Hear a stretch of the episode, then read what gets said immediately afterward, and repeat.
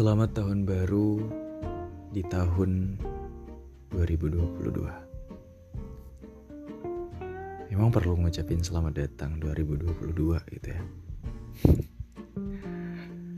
Oke, okay, hmm, ini adalah episode ke-75.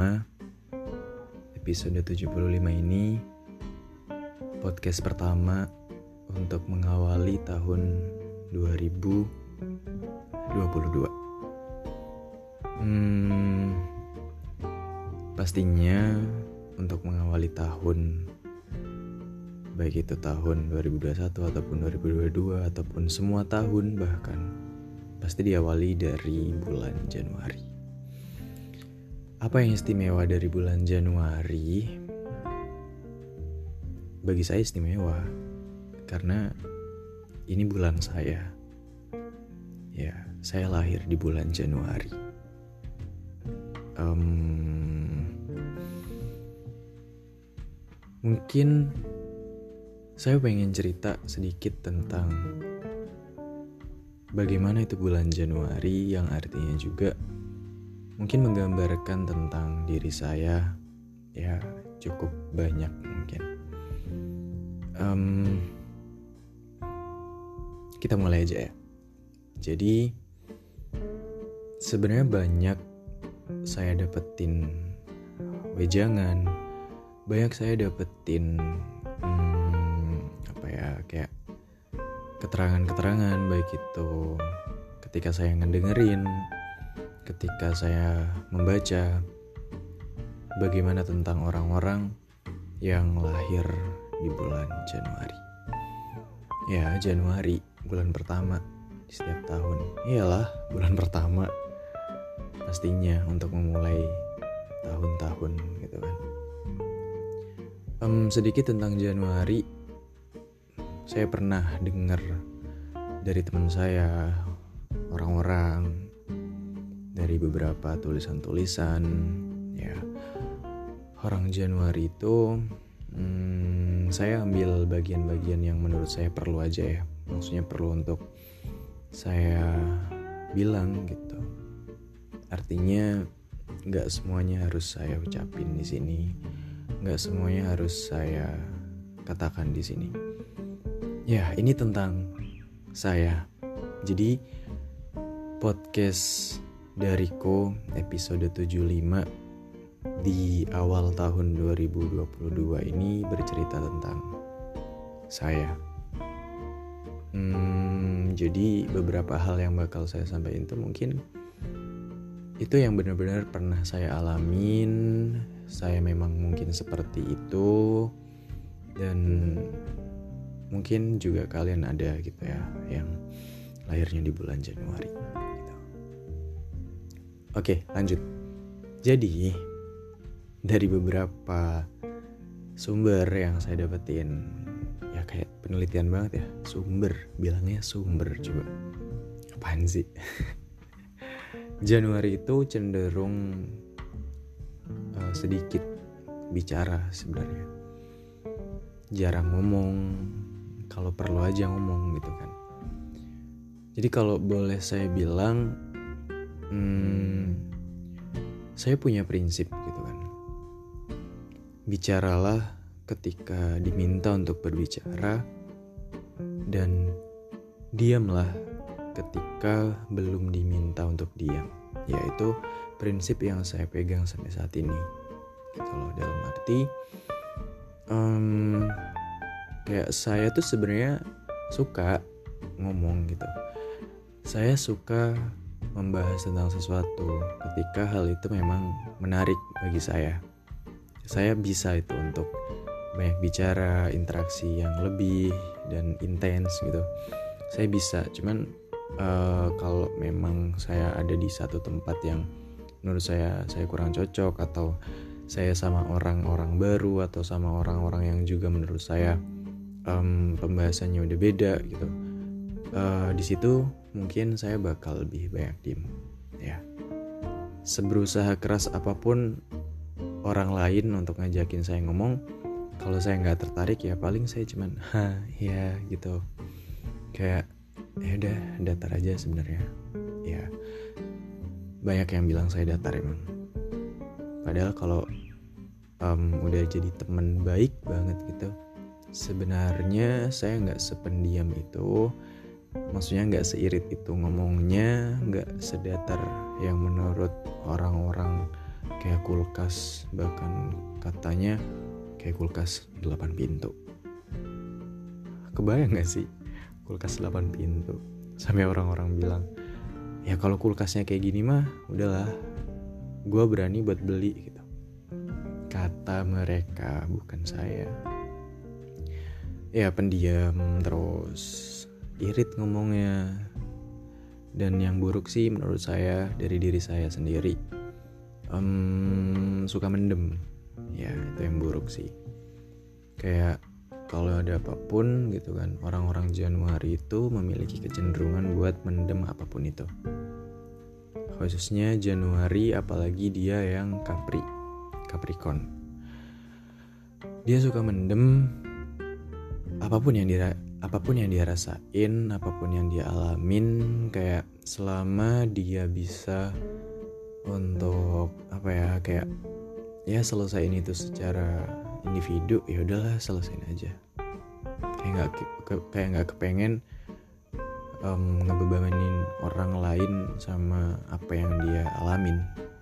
Ya kayak gitu dan um, penyabar sih. Penyabar katanya. Saya nggak tahu sih. Saya sabar atau enggak ya? Ntar saya pikir-pikir dulu.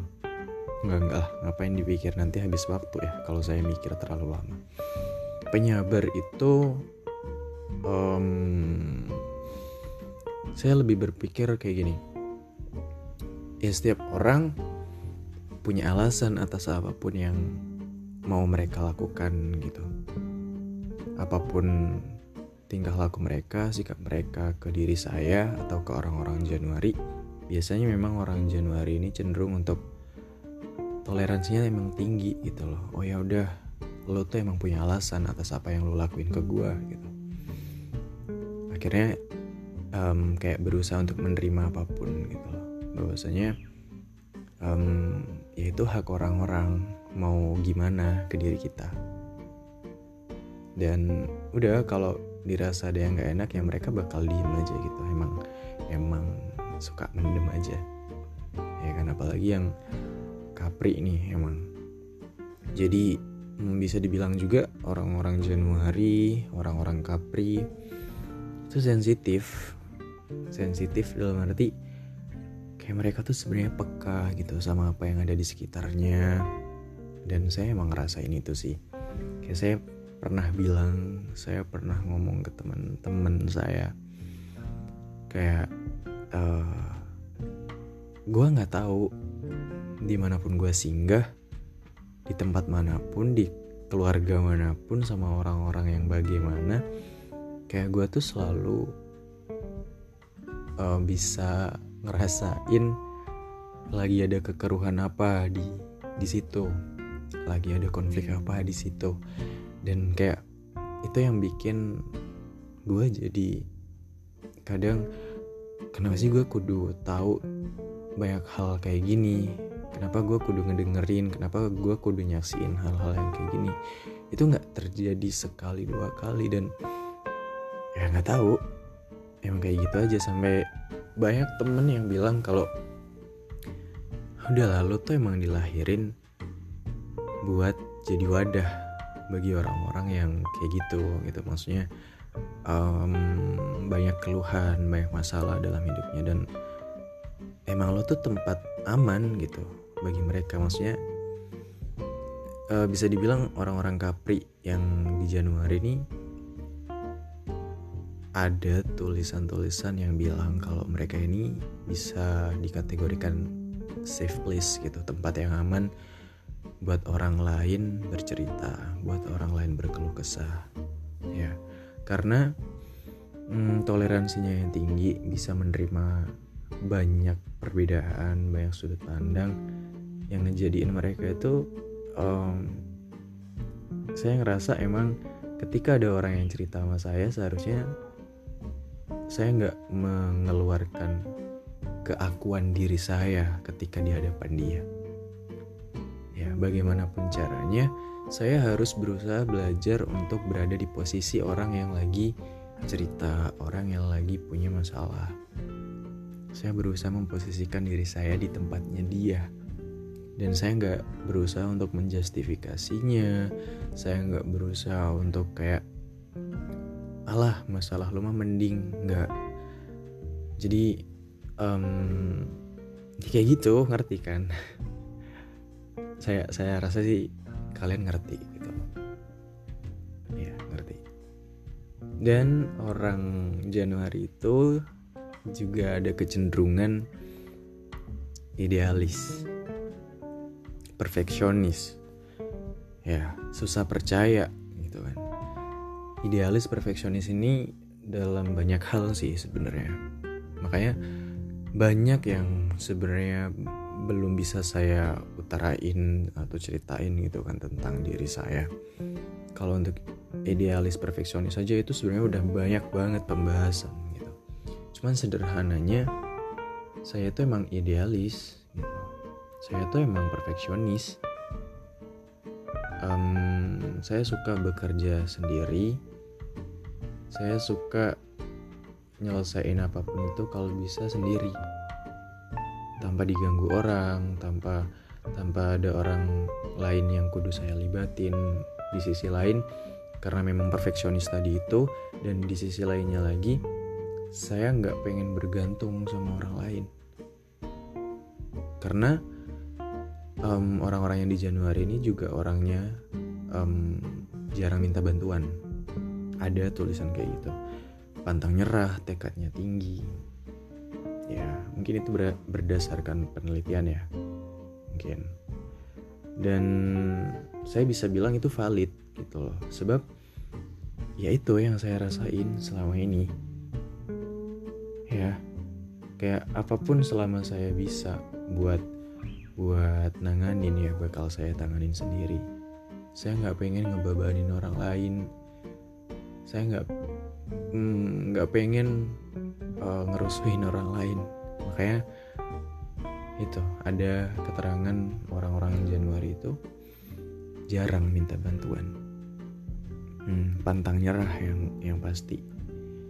Orang-orang Januari itu padahal mereka tuh susah berinteraksi ya.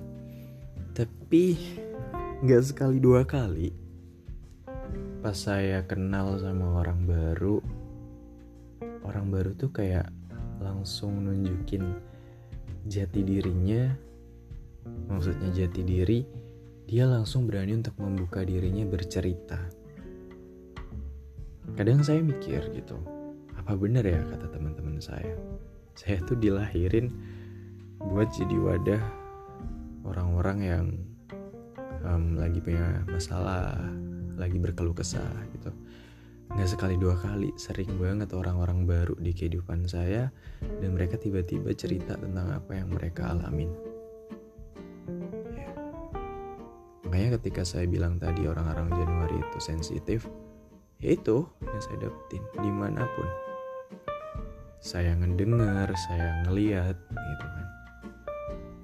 Apa pun kekacauan makanya saya seneng banget sama kutipan yang pernah saya buat.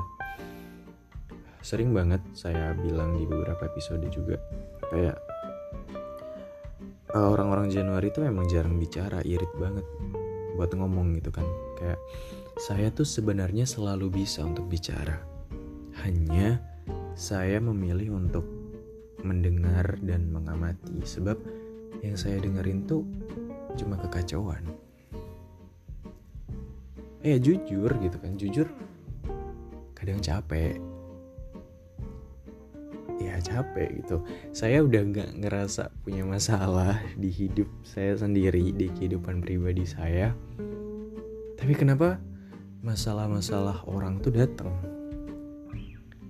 walaupun mungkin saya hanya sebatas um, ya menjadi teman ceritanya mereka kasih solusi sesekali gitu kan ya sesekali aja nggak perlu yang sering-sering gitu. Kalau emang ceritanya mereka cukup rumit ini nih kadang saya yang konyol.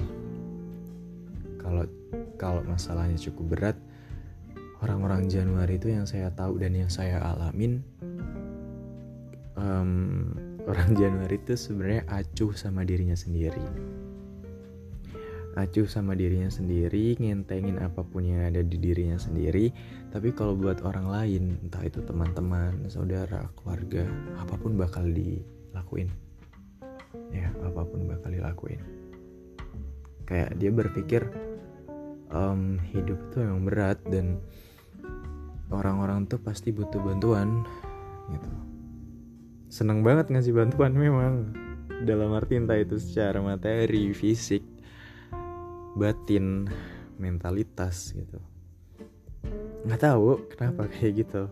Emang yang saya rasain uh, kayak gitu sih orang-orang Januari itu. Walaupun memang uh, sensitif tapi orang Januari itu sebenarnya penenang banget gitu. Penenang dalam arti walaupun mereka tahu di sekitarnya lagi keruh ya kan? Orang-orang di sekitarnya lagi keruh suasana. Uh, orang-orang di sekitarnya lagi kalut berisik gitu. Tapi Januari itu yang saya baca dan yang saya alami juga di kehidupan saya orangnya tenang dan penenang ya. Orangnya tenang juga menjadi penenang bagi orang lain. Itu. Jadi ini teman-teman saya lagi mereka juga bilang kalau lo tuh cukup tenang orangnya. Maka dari itu, ketika orang cerita sama lo, ketika orang ngobrol sama lo, minta pendapat lo, mereka juga ngerasain ketenangan itu. Karena um, mungkin sebab saya kalau ngomong kadang pelan banget ya bukan bukan secara nada sih sebenarnya tapi lebih ke pengucapan. Kayak saya tuh suka suka mikir gitu loh kalau sebelum ngomong dan pas ngomong pun kayak saya masih mikir uh, kata apa ya yang perlu buat diutarain gitu. Kata apa ya yang cocok buat di dibilang gitu. Kayak saya berusaha untuk hati-hati sama apa yang saya ucapin gitu itu yang kata teman-teman saya bilang dari itu lo ngasih energi yang tenang ke orang-orang sehingga orang-orang benar-benar ngedengerin apa yang lo ucapin. Itu kata teman-teman saya. Kayak lo diem gitu. Lo diem aja nih orang-orang tuh perhatiin lo.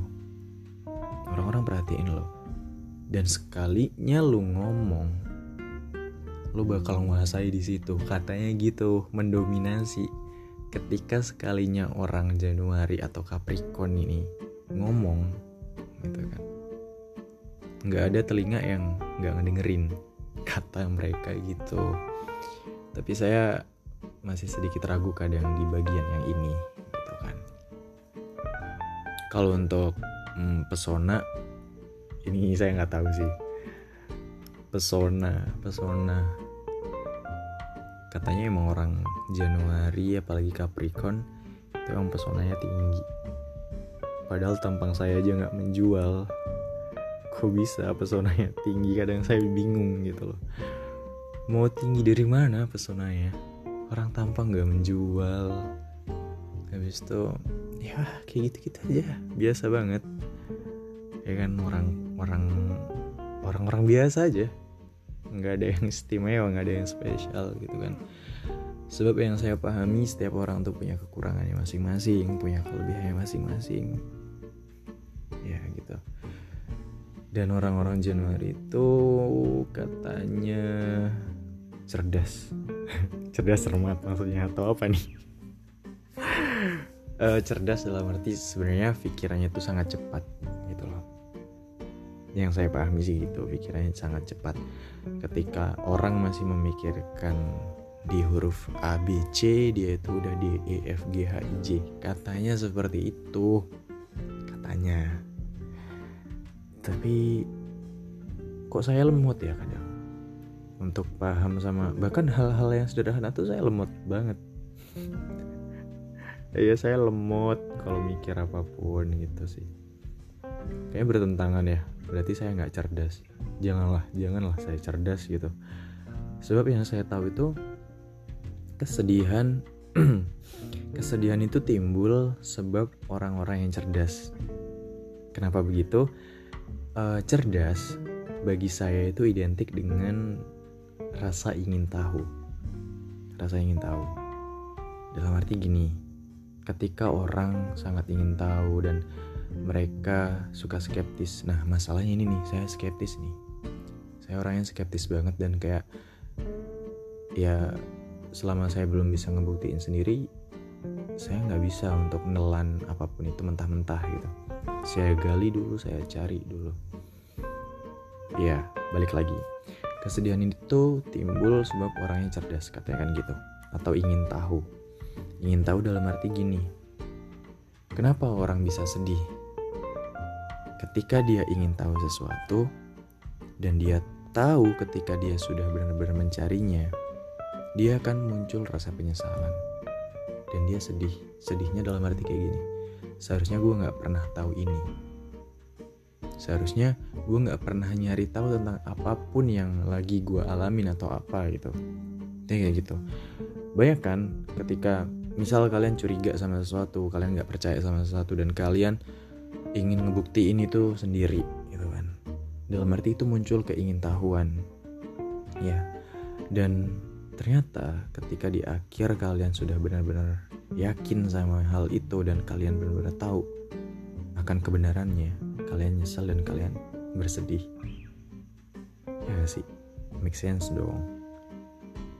Karena bagi saya itu masuk akal. Makanya sekalipun saya skeptis itu terkadang saya gini um, saya itu skeptis untuk diri saya sendiri. Saya bertanya ke diri saya sendiri. Saya nggak mau bertanya ke orang kayak gitu. Contohnya dalam arti juga ketika saya misal pengen tahu tentang hal A ya udah. A ini bakal saya cari tahu sendiri gitu loh. Bakal saya cari tahu sendiri. Karena emang pada dasarnya ada karakter yang suka mendem tadi itu loh. Jadi kayak ya udahlah cari aja dulu sendiri gitu. Dengan cara caranya sendiri. Dan tapi sekalipun skeptis tadi saya berusaha buat um, saya berpikir tuh seperti ini. Seharusnya saya itu tidak pernah menjadi pertanyaan. Saya hanya ingin menjadi jawaban gitu. I'm not question. I'm just answer. Oke okay. saya punya prinsip seperti itu. Ya jadi saya pengen saya jadi rujukan bagi orang-orang bukan saya yang ya, bukan saya yang tanya ke orang-orang gitu. Untuk beberapa hal ya nggak semua hal. Karena uh, saya aja udah susah bangun interaksi sama orang saya emang jarang bertanya ke orang-orang. Jangankan bertanya ngobrol bahasa basi aja saya tuh susah banget gitu loh. Nggak tahu agak bingung ya membingungkan sekali sih emang. Ya entahlah intinya kayak gitu. Makanya saya pengen jadi orang bodoh aja. Makanya saya tuh punya kutipan yang saya ciptain sendiri. Membodoh itu menyenangkan. Saya ulangi membodoh itu menyenangkan karena bisa menyembunyikan banyak hal di dalamnya ya sebab menurut saya kebodohan itu adalah kemewahan Ya, kebodohan adalah kemewahan. Ketika saya di depan banyak orang, ketika saya di depan teman-teman saya, lebih baik saya merasa untuk bodoh aja. Saya ketemu orang baru, ya udahlah saya diem aja. Hmm, karena saya kan mengamati dan mendengarkan tadi itu. Bodohnya saya dalam arti, udahlah saya nggak perlu banyak ngomong karena saya belum belum diminta buat ngomong gitu. Kalaupun saya kudu ngomong ya saya bakal ngomong se secukupnya aja sesuai sama apa yang ditanyain udah kayak gitu sebaik mungkin saya berusaha buat kayak gitu ya kebodohan adalah kemewahan. Ketika um, saya pernah atau sering kali ngomong ke teman-teman saya saya tuh suka jadi cermin bagi orang-orang. Baik orang-orang yang udah lama ataupun orang-orang yang baru kenal saya suka jadi cermin yang dalam arti um, gini. Ketika saya di hadapan mereka saya akan menjadi cerminnya mereka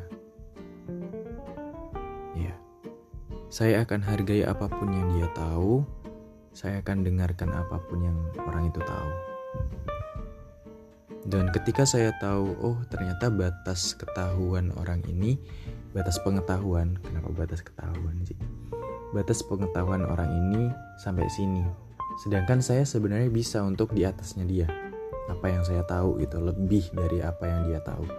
Tapi di situ saya berusaha jadi cermin dan udah saya akan berbicara, saya akan uh, ngomong sesuai dengan kadarnya dia saya akan ngobrol, berbicara apa pun sesuai kadar yang dia tahu. Karena yang lebih penting bagi saya adalah mengapresiasi apa yang orang tahu. Daripada saya harus memamerkan apa yang saya tahu. Itu nggak penting gitu loh. Kecuali kitanya ditanya. Kecuali sayanya ditanya seperti itu. Kalau belum ditanya ya udah ngapain kan? Nggak perlu buat dijelasin. Makanya saya bilang kebodohan itu adalah kemewahan. Menurut saya mewah. Saya terlihat bodoh di, di depan orang-orang. Saya terlihat konyol di depan orang-orang. Itu mewah menurut saya. Mewah banget. Bukan bakmi ya tapi ada gak sih bakmi mewah tuh? Saya lupa deh. Oke, okay, soal hubungan. Hmm, hubungan. Ya, saya belum tahu sih. Saya belum tahu. Um, saya masih pengen sendiri untuk saat ini.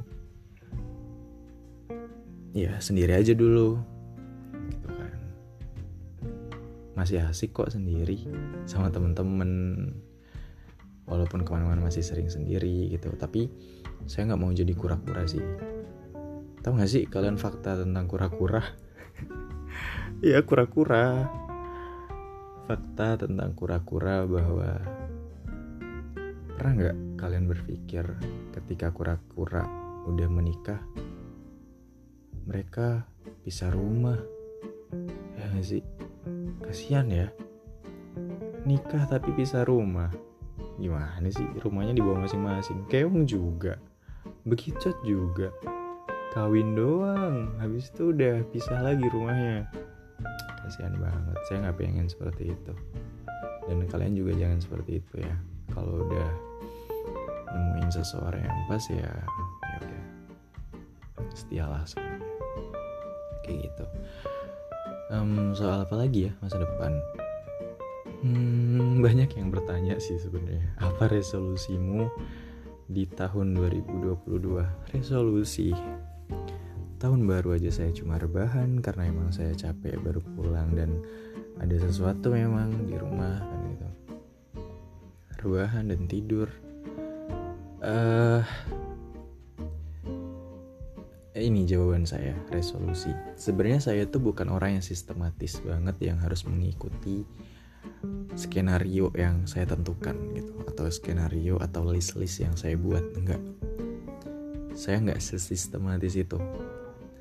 Kalau dibilang saya punya rencana ya setiap kehidupan tuh harus direncanakan gak sih? Harus ada rencana bagaimana ke depannya nanti. Ya pasti gitu kan. Tapi saya lebih suka berimprovisasi gitu atas apa pun yang bakal terjadi gitu yang penting kalau saya bilang sederhananya dulu ke teman-teman tuh kayak ya udahlah ikuti aja harusnya yang penting udah siap lampung kayak gitu. Jadi kita nggak ngasal nggak ngasal ngikut arus aja. Kita kudu belajar renang dulu kita kudu punya pelampung dulu kan gitu. Biar gak kelelep kayak kan jadi resolusinya um, saya bakal terus berusaha untuk menjadi baik buat diri saya sendiri dan orang-orang lain itu yang gak bakal pernah saya hentiin dan itu pasti bakal terus saya lakuin saya akan menjadi baik buat orang-orang. Udah deh, gitu aja. Wih, udah 30 menit dong. Lama ini. Udah deh, itu dulu ya. Cukup. Bye-bye dari podcast. Bersama Wi, manusia organik dan selamat tahun baru, guys.